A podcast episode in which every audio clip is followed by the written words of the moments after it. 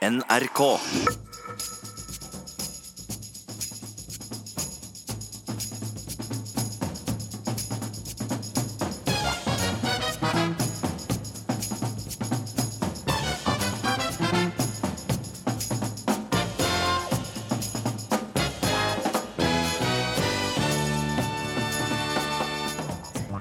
Lei av surpomper som er negative til Eurovision Song Contest, sier dirigent som òg mener vi alle bør synge mer. Ja vel, nå sitter du her, kan du gi oss litt liv? Ja! Jiggilo, jiggilei, alla tittar på meg når jeg går i mina gyllene skor.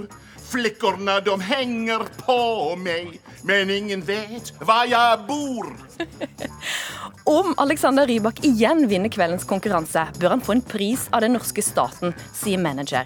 Nei, hjelp, stem for all del på noen andre, så vi slipper å arrangere, svarer kommentator.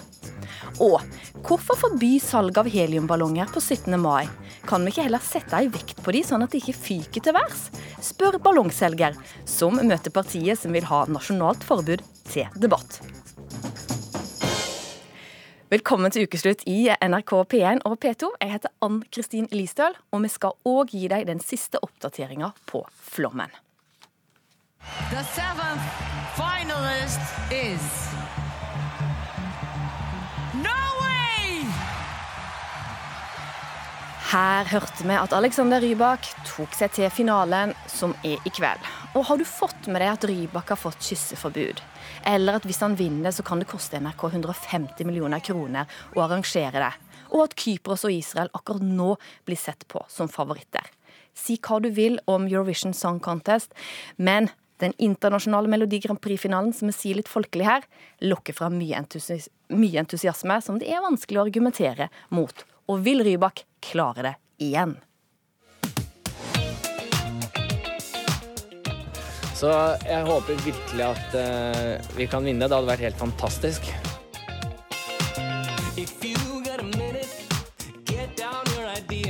Johnny Logan har eh, gjort det.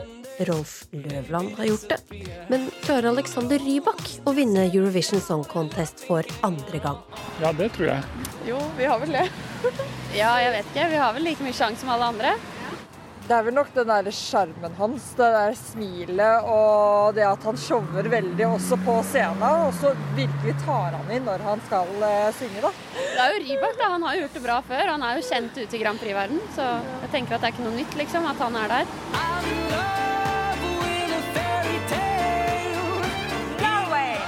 Norway! I 2009 satte Rybak rekord med 387 poeng. Norway! Norway. Fairytale fikk hele 16 tollere, til og med fra Sverige. And finally, 12 points goes to I'm in love with a fairy tale. Curse you. Norway! Nei, jeg tror ikke det. Og så vet jeg ikke om samme klarer å vinne to ganger. Om det liksom er sannsynlig. Ja. Det har jeg ingen anelse om i det hele tatt. Det er, det plutselig, man tror jo det er en favoritt som vinner, og så plutselig så viser det seg at det er en helt annen en. Så det, det kan være. Han er jo flink, da. Uh, sist jeg sjekka, så rykka han jo litt ned på, på rangeringa, men uh, kanskje? Nei, jeg syns ikke det. Nei? Kanskje bli blant de tre. Husker du sist han vant? Ja, veldig. Altså, jeg husker egentlig stevningen i Oslo den dagen, for å si det sånn. Det, altså, det, jeg husker bare at hele gatene i Karl Johan var fylt med den sangen når han vant, og det var full jubel. Så jeg var sliten dagen etter, for å si det sånn. ja, det husker jeg. Husker du hva du gjorde? Ja, jeg giftet meg den dagen. 16. mai. Men derfor så jeg ham ikke før dagen etter. Jeg så reprise. Det ga jo en ekstra liksom, topp på det hele. Husker du låta vi stiller med? Er det ikke sånn du, du, du, ne, ne, ne, ne, ne. Ja, et eller annet sånt. But of course, I, I really want to make such a strong impression this year that when people they will think, yeah, that's how you write a song. And that's how you write a song. Reporter Linn Beate Gabrielsen. Og vi skal til Lisboa med. For eh, Helle Lund Olsen, du er skikkelig eh, Eurovision Song Contest-fan. Du ble faktisk hedra under den norske Grand Prix-finalen. Og du har reist til landet som arrangerer eh, den internasjonale fest melodifestivalen hvert år siden 2010. Ett år solgte du bilen din for å få råd. Hvordan har du finansiert det i år? I år har jeg vært veldig flink til å spare altså, gjennom hele året, så nå er økonomien på stell. Hva har du måttet gi slipp på for å ha råd til dette? Nei, jeg tror ikke jeg måtte gitt slipp på noe spesielt. Det er liksom det her som er høydepunktet i året, så ja, alt annet betyr ikke så mye. Liksom, det er liksom Grand Prix og Eurovision som er det ja, aller største. Og, og, når vi belyser dette her nå, så kan du være sikker på at en del er sånn Å, herlighet, skal de fokusere så mye på dette? Har de tatt helt av nå? For alle som ikke skjønner hvorfor folk er så opptatt av denne konkurransen her, og heller ikke skjønner hvorfor mediene hauser det opp, kan du forklare den entusiasmen? For meg så handler det om eh, vennskap, kjærlighet, musikk og et europeisk fellesskap. Eh, og så tror jeg at liksom det at media hauster opp så veldig, det tror jeg handler litt om at det her er ting som både folk elsker og hater, men alle ser på det. Det, er, ja, det engasjerer norske folk. Til og med de som hater det, ser på det for å fortelle hvor teit det er. Ja. Og, men nå skal vi slippe til en mann som faktisk gjorde litt inntrykk på meg denne uka her. Fordi at i Dagbladet så leste jeg at eh, en anmelder i Dagbladet fortalte at han sang en norsk vise på T-banen i Oslo. Og så ble han hysja på, for det passer seg ikke å synge. Og det viser òg at denne mannen er lei av surpumper som er negative til eh, Eurovision Song Contest. Espen Selvik, den mannen er deg. Det stemmer. og Jeg tok T-banen i Oslo, Norges eh, hovedstad. Og Det satt det noen damer og menn rundt meg med hver sin mobiltelefon. Jeg talte det var 14 stykker. Og så var liksom kulden i ferd med å slippe taket, og så tenkte jeg nå tar jeg en sang. Hva sang du? Jeg sang 'Norge mitt Norge'. Å, jeg elsker deg, Norge. Men da var det en dame som bare snudde seg mot meg og sa 'hysj, vi synger ikke her'. Hysj! Og da de som hadde mobiltelefoner, de snudde seg også mot meg og liksom sa 'dette går ikke an'. Og så lurte de på om det kom en vekter og kanskje skulle geleide meg ut. Gikk ikke så langt. Men jeg fikk beskjed om at man skal ikke synge på T-banen i hovedstaden. Nei. Og fin overgang til han som sitter og ler litt her, for det er samferdselsminister Ketil Solvik-Olsen. Hvorfor er du her? Nei, Jeg òg er generelt opptatt av musikk. Har spilt i korps siden jeg eh, var en liten pjokk. Og eh, syns egentlig det er bra at vi kan spille litt for hverandre. Eh, og i disse Eurovisjon-tider så blir det jo ekstra fokus på nettopp det med musikk i hverdagen. Og Selvik, altså du mener da sant, at det er surpomper som er negative til, til denne musikkonkurransen. Men hva er, det liksom, hva er det denne musikken gjør med oss? Ja, Musikken i Grand Prix, som jeg liker å si, det er jo et speil på samfunnet. Altså, Trekk den overordnede linjen. Andre verdenskrig, krigen var ferdig og Europa lå i ruiner. Så kommer det et kulturtilbud som bruker den nye teknologien som var TV og for så vidt radio, som kom litt før. Og det, det er jo nyheter, sport og underholdning som kanskje er det som folk er mest opptatt av. Og så har det overlevd nå i 60 år omtrent, og, og vel det. Og så er det folk som ikke liker dette. Hva er alternativet? Skal vi da rett og slett ha eh, symfonier på 100 minutter eh, hvert land? Skal vi liksom ha synkronsvømming i den engelske kanalen? Hvorfor kan ikke folk bli glad når folk synger en sang på tre minutter? For det, jo, det handler jo om identitet og om mennesker som vi er. Og vi har utfordra deg, for vi vil nemlig at eh, denne musikkentusiasmen skal få fri flyt. Så vi har bedt deg om å ta med eh, litt ting med. Så du skal få Ja, nå kan jo samferdselsministeren eventuelt få lov til å beskrive hva er det du har tatt med deg. Det ser ut som han har tatt med seg en eh, aldri så liten trompet. Gammel.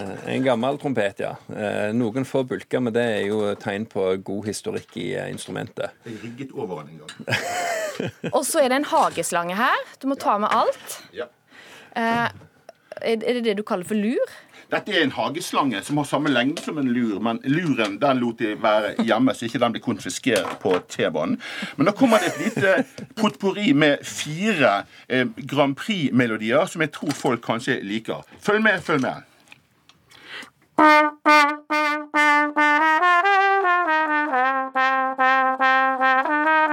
Oh yes.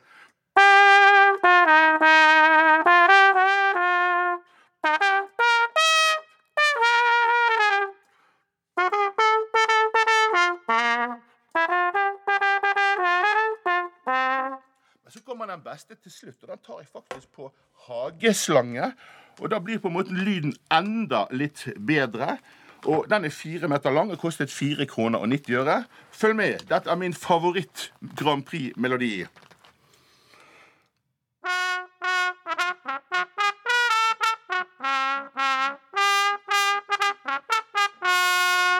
Og hvis jeg snurrer den rundt, så blir lyden enda bedre. Og det kalles for kreativitet innenfor Melodi Grand Prix.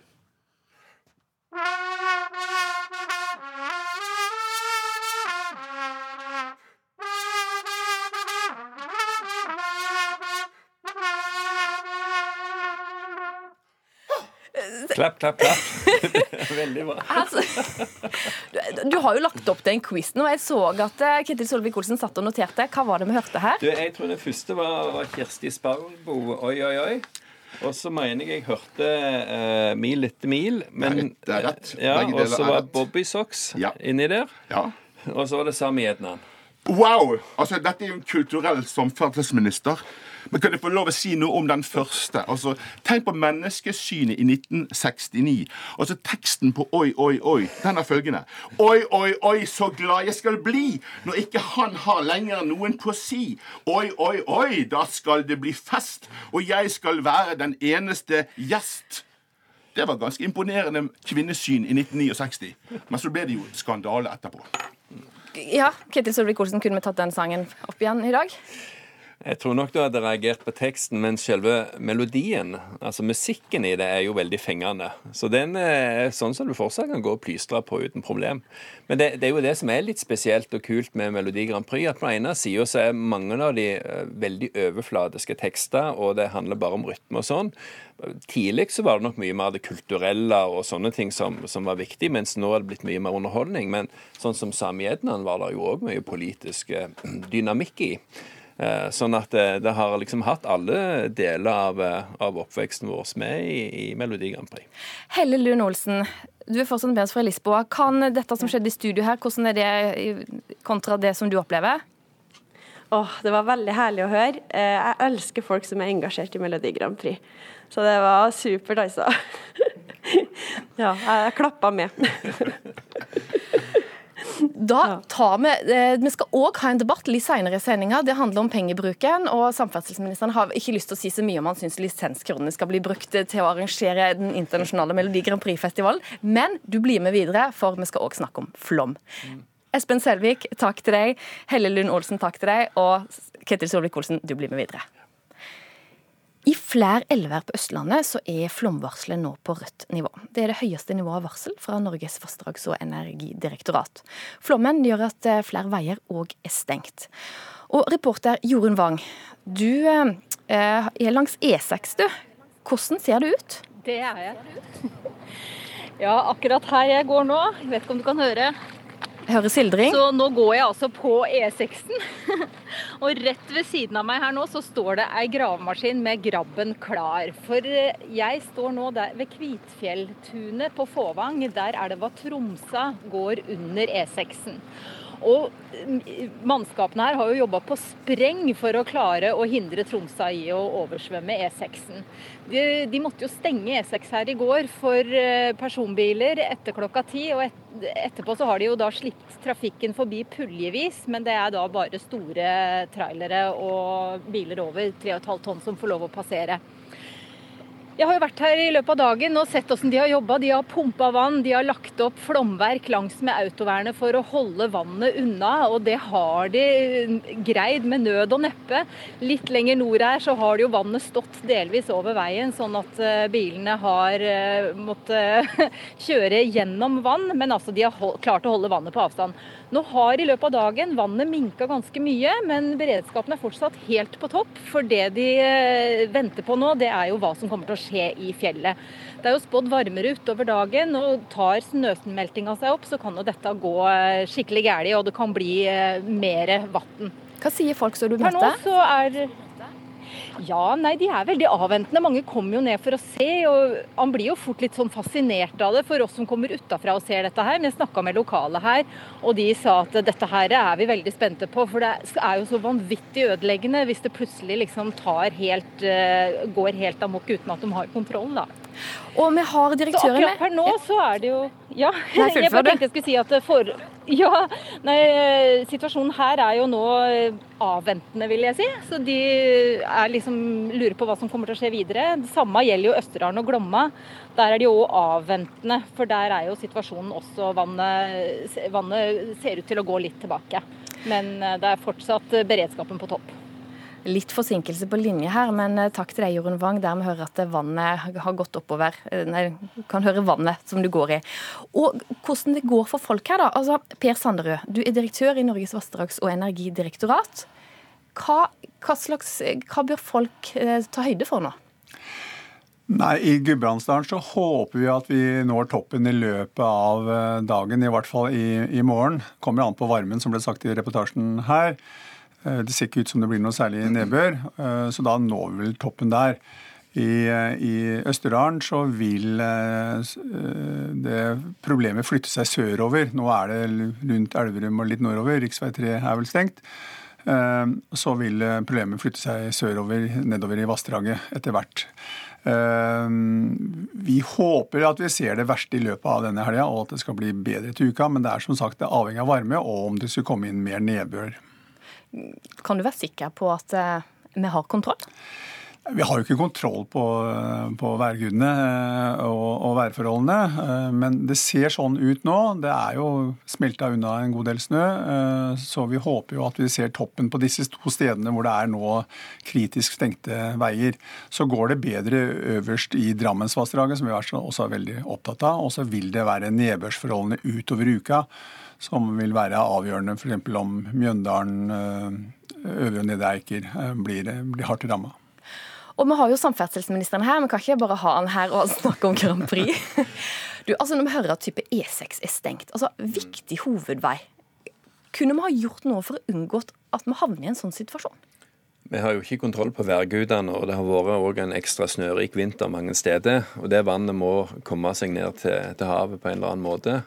Vi gjør jo hele veien en jobb både med å sikre at den infrastrukturen vi har, er, er godt vedlikeholdt. At vi eh, rydder i stikkrenner og grøfter og lignende, sånn at vannet strømmer så fritt som mulig.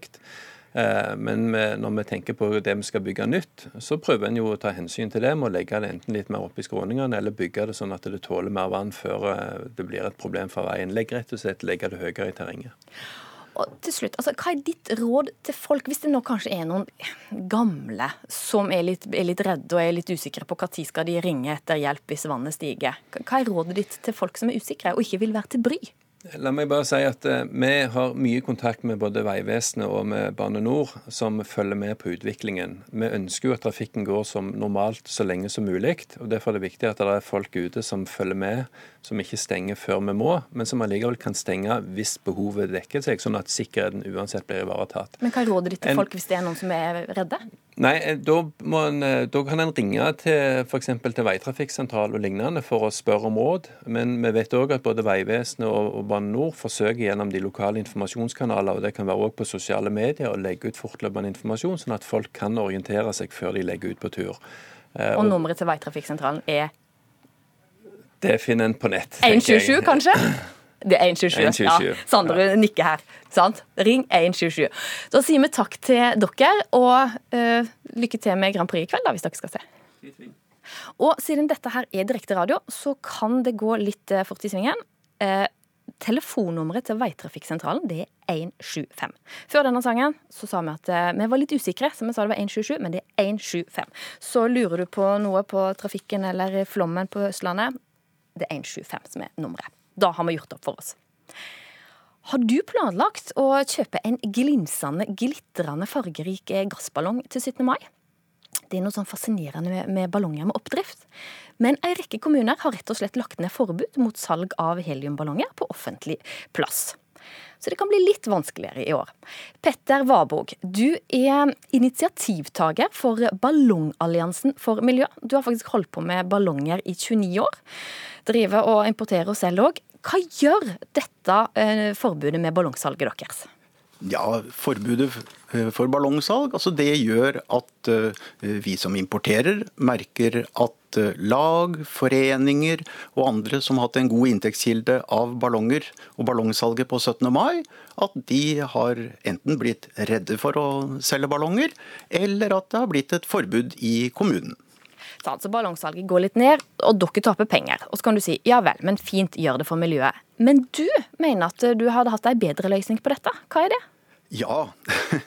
altså Ballongalliansen for eh, miljø. Vi er en eh, gjeng med seriøse eh, ballongfirmaer. Altså som, som lever av å dekorere med ballonger, selge ballongbuketter. Og mange driver butikker. Og vi bruker det som heter god ballongpraksis. Og et hovedmoment der, det er at alle gassballonger, både gummiballonger og folieballonger, det som folk forbinder med 17. mai, de skal utstyres med en vekt, sånn at ikke de suser av gårde. Sånn at barna slipper å gråte, og at mamma og pappa må kjøpe en ny ballong. Og da skal vi slippe til Lan Marie Noyen Berg, som er byråd for miljø og samferdsel, eh, samferdsel i Oslo. Du er med oss fra landsmøtet til Miljøpartiet De Grønne. Og ja, her hører du da. Altså, La ungene få 17. mai-ballonger, og la Petter Warborg og kollegaene hans få lov til å tjene litt penger på ballonger. Hvorfor ikke bare sette på denne vekta, sånn at ballongene ikke fyker av gårde? Ja, nå er det jo sånn at Plastforsøpling det er jo et kjempestort globalt problem. og Hvis ikke vi gjør noe nå, så kan det være mer plast enn fisk i havet i 2050. og Det skader jo sjøfugl og dyr i havet. Og det vil vi jo ikke. og Det, det er jo grunnen til at veldig mange har vært ute og rydda strendene de siste ukene um, for å nettopp uh, gjøre noe med plastproblemet. Men, og Det er grunnen til at vi i Oslo har gjort alt det vi kan for også, å stoppe plastsalg uh, salg av heliumballonger. fordi vi vet at veldig mange av de som rydder strendene, de sier til meg at uh, de finner mye heliumballonger uh, langs strendene. Og Sånn har det også vært i minst 25 der, der, har jeg en kommentar som jeg har fått fra en som har plukka søppel i skjærgården ved Os. Og Det er jo der det har vært veldig mye fokus på forsøpling nå. Og Hun skrev til meg i dag at om vi som plukker boss forteller hva det er vi plukker opp, er det forsvinnende lite heliumballonger. Så hvis vi holder heliumballongene nede, så minsker vi veldig mye av sjansen for at de forsvinner opp. På den måten så er vi med på å minske forsøplinga. Jeg lar Berg få svare på det. Ja, men nå er det jo sånn at Et, et enstemmig storting vedtok det forslaget til Miljøpartiet De Grønne om å få et nasjonalt forbud. For det er sånn at Kommunene Nei, kan ikke gjøre alt, alt selv. Varborg, Varborg, Varborg dere kan ikke snakke på begge, begge, på samme tid. Så nå skal Berg, som er med oss fra Fornebu, hun skal få snakke først. Og du er med fra Tønsberg, skal du få snakke etterpå. Tusen takk. Vær så god, Berg. Ja, og, og, og, det er jo, nå skal de hurtigutrede hvordan det kan gjennomføres. og Det er fordi det er et kjempestort engasjement rundt dette. Vi vet at heliumballonger er en liten, men en, en, del av den plastforsøplingen som vi er nødt til å, å bekjempe. Og jeg, og jeg, er helt sikker på at det er mulig å finne mange morsomme måter å glede barn på enn de som også eh, blir med på å forsøple havet. Og vi vet jo at barn de er opptatt av miljøet, de også. Og de har også lyst til å ta vare på sjøfugl og annet liv i havet. Og Derfor så tror jeg at det er ganske mange barn som også ønsker å være med på det. Og jeg er veldig glad for at det er blitt oppretta en, eh, en, en, en, forening med klovner mot, eller for miljø. Men eh, da kan dere også jobbe med å finne gode løsninger som bidrar til at barn kan ha det gøy uten plast. Og det er noe vi må jobbe med framover på mange samfunnsområder. Og når det gjelder den vekten din, så tenker jeg at det er vanskelig å gjennomføre. Det er vanskelig å vite at det kommer til å fungere sånn at ikke plasten havner i havet likevel. Og det er grunnen til til at jeg ikke vet helt om det er den rette løsningen for det, og at jeg heller tror at det er riktig å eh, stanse salg av heliumballonger og finne andre gode løsninger å ha det gøy på på 17. mai og andre. Eh, og da andre, andre. skal vi slippe til Vabak. Fordi at, og det kan vi også si at Vabak, du er faktisk òg har eh, mange års erfaring som klovnen Melvin Tix, så du kan jo litt om dette. Det har jeg også, og jeg har spilt hageslange i Russland på samme måte som Espen Selvik har gjort, så det var gøy å høre på han tidligere i dag. Men det jeg brøyt inn med Bare si til deg, da. Altså, ja, OK, om du har ta på denne vekta, sant? så vil jo ballongene likevel kunne, kunne forurense. Så hvorfor kan ikke dere droppe de ballongene for å være med å redde miljøet? Hvorfor vi ikke kan droppe ballongene? Altså, Det er ikke ballongene selv som er saken. Altså, Det er det å kaste de etter bruk som er saken. Og det gjelder all søppel. Vi som forbrukere er ikke gode nok til å kaste alle typer avfall. Og så har jeg lyst til å nevne det som eh, Lan Marie Berg sa, med at Stortinget hadde eh, vedtatt et forbud. Eh, Det er det som har kommet fram i media. Det som Stortinget har vedtatt og bedt regjeringen om, det er å ha en utredning om et mulig forbud av ballonger. Og en av kollegene mine bort på Vestlandet hadde en prat med statsministeren. Og statsministeren lova en grundig utredning av dette. Og det er vi seriøse ballongselgere. Vi er veldig, veldig glad for det. Og for da får vi sjanse til å legge fram fakta. Og vi har fakta om helium, og vi har fakta om ballongene. Og det er vi veldig glad for, og vi gleder oss til den utredningen. Lan Marie Nøyenberg, har du hatt eh, sånn heliumballong på 17. mai noen gang, eller? Jeg kan ikke huske at jeg noen gang fikk eh, heliumballong på 17. mai, men jeg, fikk, jeg kjøpte meg faktisk en heliumballong eh, en gang etter at jeg ble voksen.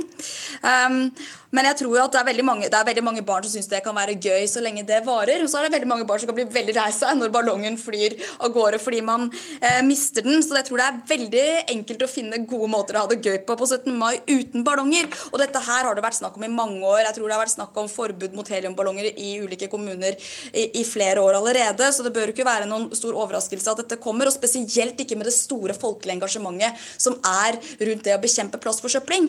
Og selv om vi går rundt og rydder på strendene nå, vi er bare akkurat ute på en strand og rydda, så, um, så er jo den, det søppelet som vi finner på strendene, det er bare toppen av plastfjellet. Fordi det aller meste av den plasten som havner i havet, den havner på havbunnen. Og det er det som er så skummelt. Tenk om det blir mer plast enn det det blir fisk i havet, hvis ikke vi klarer å gjøre noe med plastforsøplingen. Og det er nettopp dette her som er et lite skritt på veien også dit. Og så må vi gjøre mange andre tiltak både globalt og nasjonalt og lokalt for å sikre at vi ikke får så mye plastforsøpling som vi har nå. Og det er nå et eget kapittel for seg med alt der. Men til slutt så kan jeg si at eh, jeg har hatt gassballong, og jeg syns det var veldig gøy å, å supe i meg litt sånn helium, for da får jeg sånn stemme.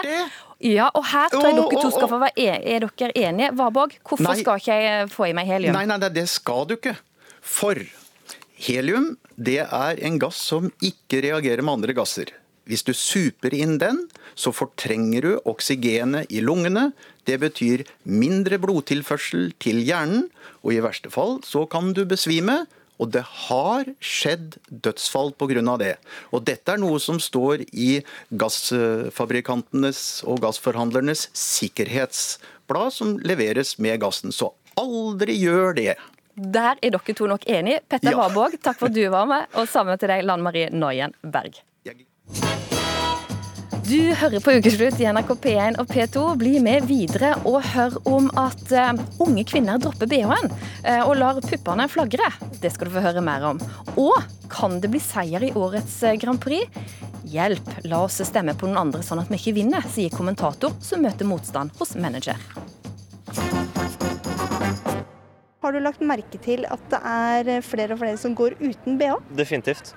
Eh, Det har jeg faktisk sett. Veldig. Vi skal snakke om pupper.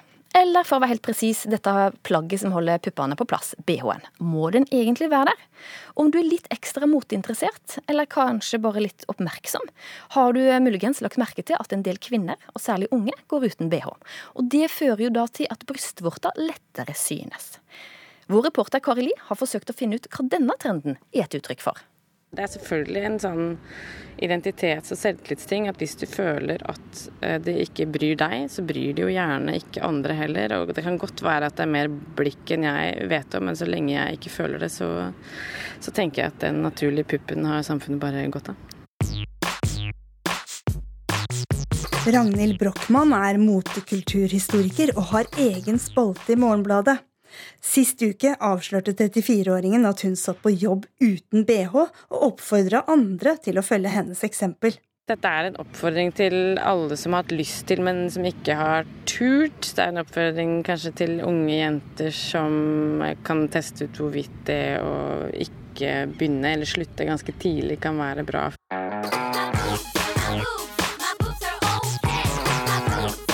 Men er det bare å slippe løs fettvev og brystvorter? Jeg dro til Universitetet i Oslo for å spørre noen i målgruppa. Ikke så veldig ofte, egentlig. Kun når jeg er hjemme og hjemme alene, egentlig. Så det er ikke sånn at du kommer hjem, og det er det første du gjør er å ta av deg BH? Nei, det er det siste. Ja. det er litt opp til hver enkelt hvor mye man har lyst til å dele av seg sjøl. Men jeg føler i hvert fall for min del så ville jeg ikke gått offentlig og visst på en måte nipplene mine helt frivillig, men det er vel kanskje mer fordi at jeg føler ikke det er komfortabelt for meg. Men eh, du snakker om nipler, altså brystvorter. Hva er feil med de, da? Det er ingenting feil med det, men jeg bare syns det blir for privat for min del å gå og vise det, da. For kvinnene, altså damene, det er jo vondt uten å trene uten BH, er det ikke det? Jeg kan ikke så mye om det her. Can you please tell your boobs to stop looking at my eyes? Tror kanskje det er en blanding av både Free the Nipple og kvinnesak, og bare ønske om å være mer naturlig og komfortabel. Elise Alexandra Gulbrandsen er leder av Min mote i VG. Gulbrandsen mener kjendisene har gått i bresjen for å befri kvinners bryst. Altså, I Norge så tror jeg f.eks. det at Astrid S eh, legger ut på Instagram at hun syns det er rart at som kvinne må hun skylle sine brystvorter, mens menn kan vise dem fram. Det tror jeg er en, en frigjøring for mange kvinner. da. Hun er et sterkt forbilde som mange inspireres av. Er dette noe alle tør? Jeg tror nok det er en, en noe man må venne seg til.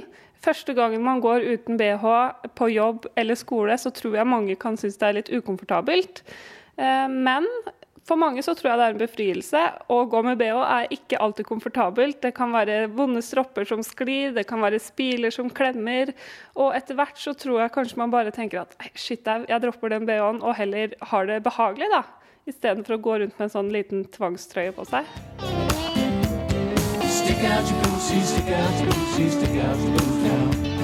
Har du lagt merke til at det er flere og flere som går uten bh? Definitivt. Eh, det har jeg faktisk sett veldig. Eh, det ser ut til å være en sammenheng mellom eh, kvinnfolk som er veldig feministisk orientert og veldig opptatt av, av dette, som pleier å gjøre det. Jeg syns egentlig det er veldig fint. Fordi jeg føler at jeg, jeg tør på en måte ikke å gå uten. Så, så jeg syns det er veldig fint når andre tør det og på en måte klarer å blåse i det om folk eventuelt stirrer eller bryr seg eller sånn, da. Så jeg syns det er veldig kult. Er det noen situasjoner hvor du tenker at bh er mer påkrevd? Ja, jeg syns egentlig at det er enkelte situasjoner man bør ha det i. Kanskje hvis man skal være litt formell, f.eks. Jeg syns ikke, man- synes ikke du går uten bh på et jobbintervju, liksom. Rød løper for kundene våre. Det må til. Da er salget i gang? Da er salget i gang. Katrine Karlsen er butikksjef hos Triumf i Oslo sentrum. Du, de som kommer innom meg, er jo gjerne de som ønsker BH. Men jeg merker en stor forskjell eh, nå, og det er at veldig mange kommer inn og spør etter den behagelige BH-en. Disse er jo et eh, godt eksempel på hva kundene mine ser etter. Det er en eh, Jeg kaller det en topp, for at her er det ingen spiler. Den er trekantet i fasongen. Det er blonder over hele. Så her har du et eksempel på en BH du ikke vil kjenne at du har på deg. Karlsen kan røpe at kvinners krav til komfort har påvirka den kommende høstkolleksjonen fra Triumf.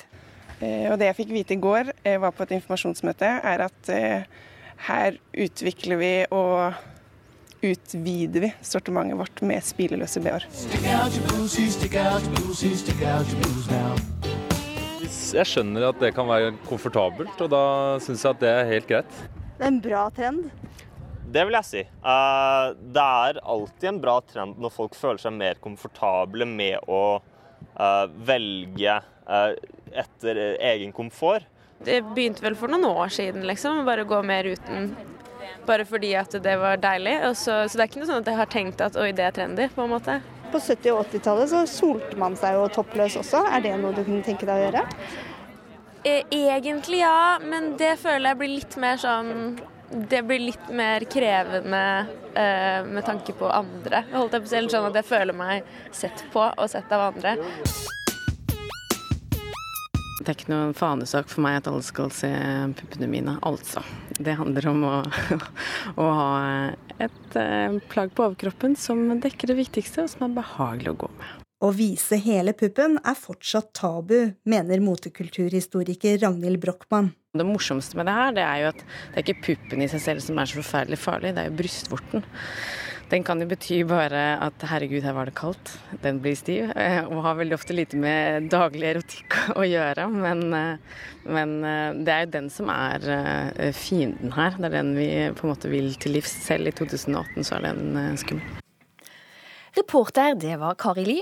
Og nå har vi jo da kanskje lært at vi skal droppe BH-en og droppe heliumballongen på 17. mai. Men Grand Prix skal vi iallfall ikke droppe i ukeslutt. Vi klarte det i 1985. Vi klarte det i 1995, og vi klarte det i 2009. Tre ganger har vi vunnet den internasjonale Grand Prix-finalen.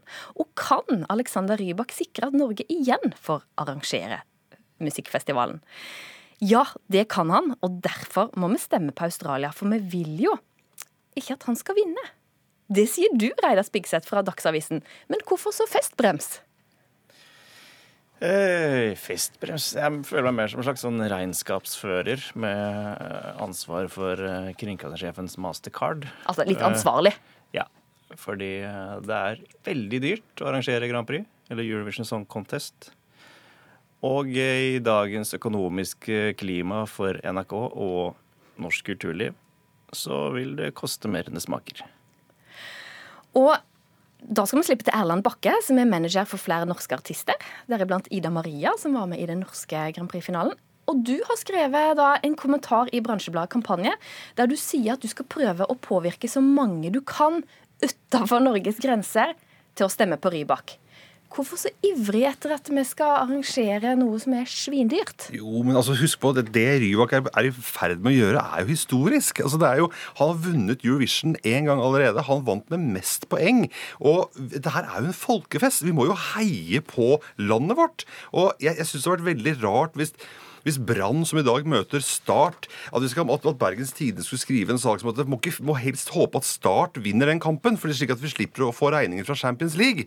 Det hadde jo vært veldig kjedelig. Men i Champions League så tjener du ganske mye penger på å Ja, kunne være med. Her er det 150 ja, men, millioner. Men, men det som er problemet, Hvis man bare ser på kostnadssiden, så virker det veldig dyrt. Men du må også innberegne inntektssiden. Og inntektssiden i Melodi Grand Prix er ganske mye. To år tilbake så vant Stokka, hadde Stokka, arrangerte Stockholm Eurovision, eh, og de hadde 265 millioner Bare byen hadde 265 millioner kroner i økte inntekter i de ti dagene dette sirkuset da sto på. Byen, ja, men ikke Sveriges Televisjon, som Sveriges betalte regninga. Ja, men, men husk på en ting. Når man bruker da 100-150 millioner kroner, kroner på å arrangere en sånn type arrangement, så er dette en investering av nytt, nytt utstyr for NRK.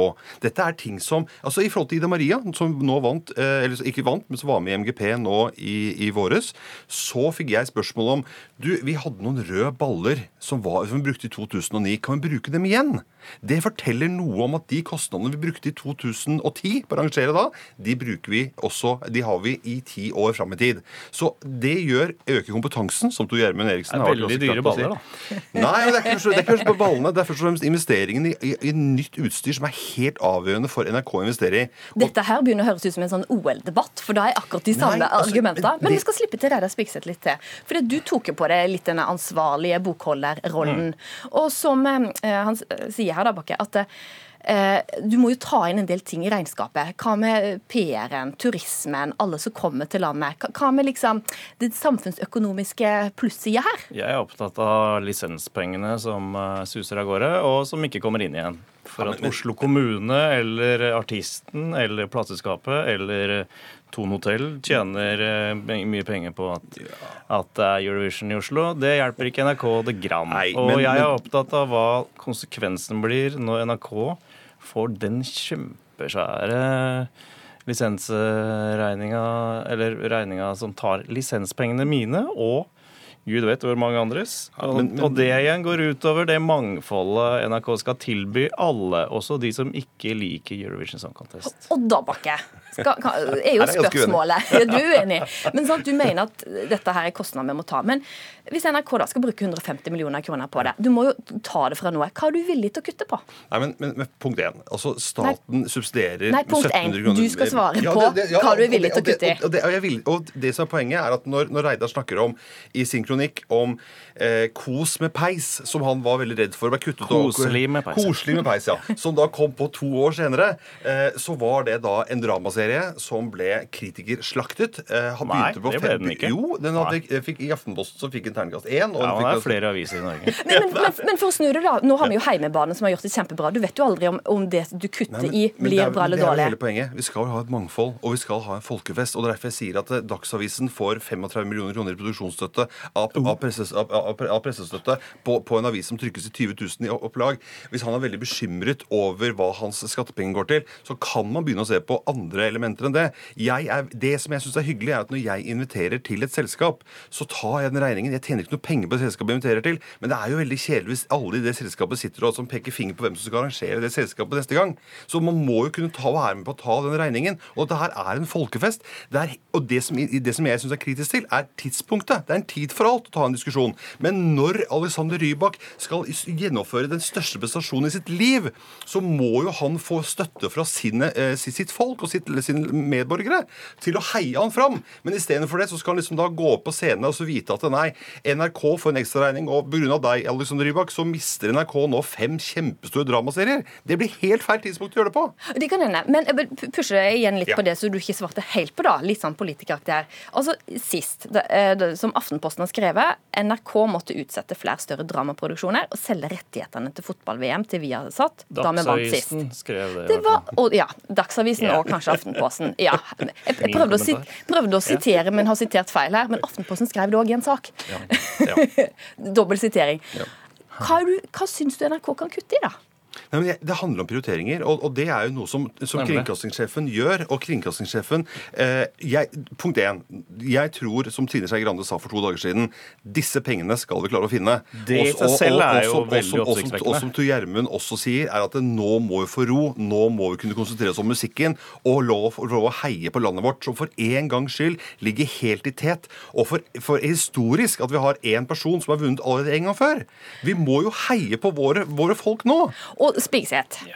Hvis, altså, da, igjen da, Det høres ut som en OL-debatt, dette her. Men hvis Norge, som er så rikt land, ikke har råd til dette her, hvem har da råd?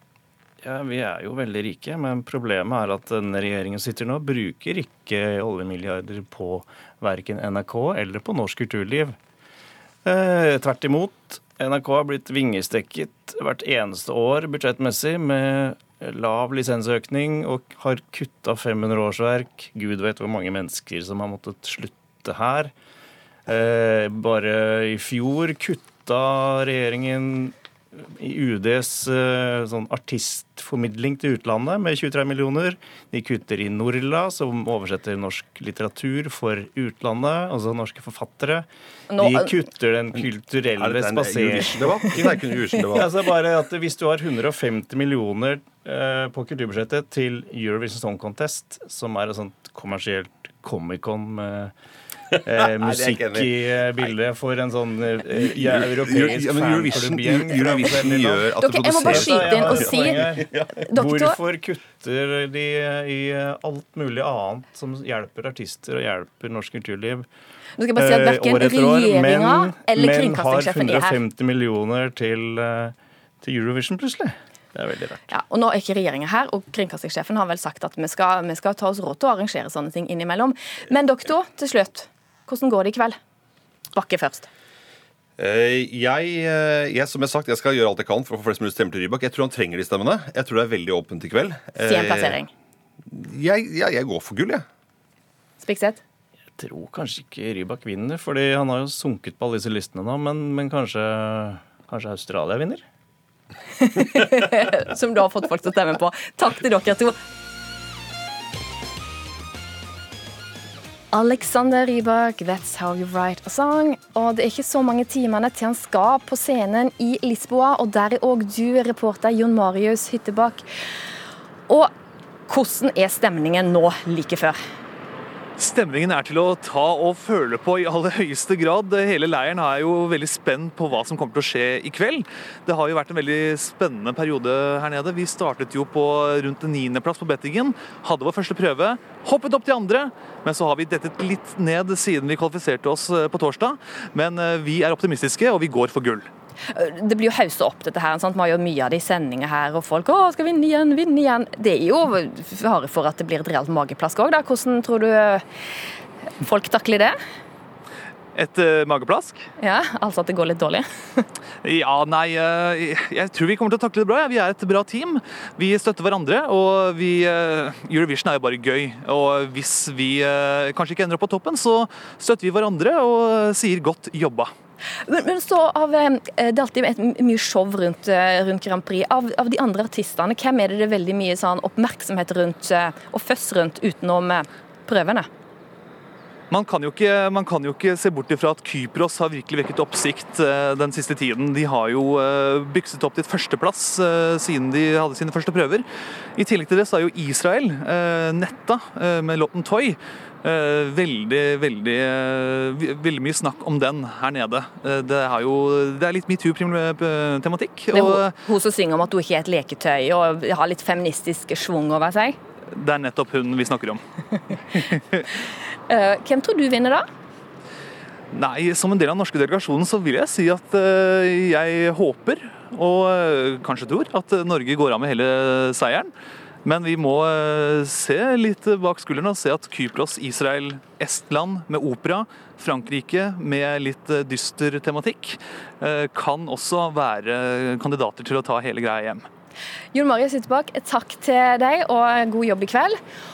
Og inn i studio har vi statsmeteorolog Jon Smith. Og mye flom. Hva, hvem er det som bør passe på? Ja, det, De som har mye vann nå, de bør fortsette å passe på vannet, selvsagt. Ja. Men heldigvis så venter vi ikke noe spesielt med nedbør i de områdene som har flom, og heller ikke der hvor det vannet kommer ifra eventuelt. Eneste er jo at temperaturen er noe på vei opp igjen, så når vi kommer i hvert fall over helga til mandag og tirsdag, så får vi nok tilsvarende høye temperaturer som vi hadde i begynnelsen av uka. Men samtidig så er det da igjen mye mindre snø, sånn at uh, det ser vel kanskje ut som om toppen enten er nådd eller er ganske nær, i hvert fall i de øvre deler av disse vassdragene. Det er godt å høre. Og ellers, da? Hva Ellers er, det, ja, ellers er det ganske rolige forhold sånn på værfronten. Da. Vi kan begynne lengst i nord, da, på Spitsbergen. og Der venter vi er litt eh, sludd og regn i morgen. Det har vært en del vind i dag, da, byger, men de stort sett er i ferd med å gi seg. Og I morgen så blir det da sørlig opp i liten kuling utsatte steder. Når det gjelder eh, Finnmark og Troms, i hvert fall, så venter de litt regn av og til i de sørlige delene av Finnmark. Eh, I hvert fall i dag, og det fortsetter vel med litt spredt regn der i morgen. Kanskje også noen dråper i grensetraktene i Troms, men lenger nord i fylkene er veldig mye fint vær. I Nordland også kan det av og til være litt regn i grensetraktene. Litt mer sånn variabelt skydekke i Nordland, men i hvert fall litt sol sånn innimellom. Både i dag og i morgen. Så venter vi lange perioder med sol i Sør-Norge. Unntaket er kanskje de østlige delene på Østlandet, også østlige fjellområder. Der blir det nok mer skyet i morgen, og det kan også dukke opp kanskje noen lokale ettermiddagsbyger da, sånn utover. Og Når det gjelder Vestlandet og Trøndelag, så blir det også mye fint vær her. De kan få litt lokal tåke, spesielt på kysten og kanskje sånn natta og morgentimene. Eh, ganske rolig vindforhold utenom den kulingen på Spitsbergen i hele landet. Og klokka 13 så var det 12 grader i Tromsø. Vi hadde 16 i Trondheim. Bergen hadde også 16. 15 på Kjevik. Og Blindern hadde 16 grader. Aller varmest Askim. Kykkelsrud er den målestasjonen som heter. Den ligger nær Glomma, men det har ikke noe med snøsmelting å gjøre, heldigvis. Det er ikke noe snø der. Kykkelstad? Kykkelsrud. Der var det 21,1 grader klokken 13. Og det skal nok stige litt til før det er på det varmeste. Åh, Det hørtes herlig ut i Askim med 21 grader på stasjonen Kykkelsrud. Så har jeg lært noe nytt her. Eh, denne sendinga her, den går mot eh, slutten. Ansvarlig for sendinga har vært Thomas Alverstein Ove. Teknisk ansvarlig har vært Erik Sandbråten. Jeg heter Ann Kristin Listhaug. Har du et tips til oss i Ukeslutt, send oss gjerne en e-post til ukeslutt krøllalfa nrk.no. Og så håper vi at du får ei flott helg. Ha det bra.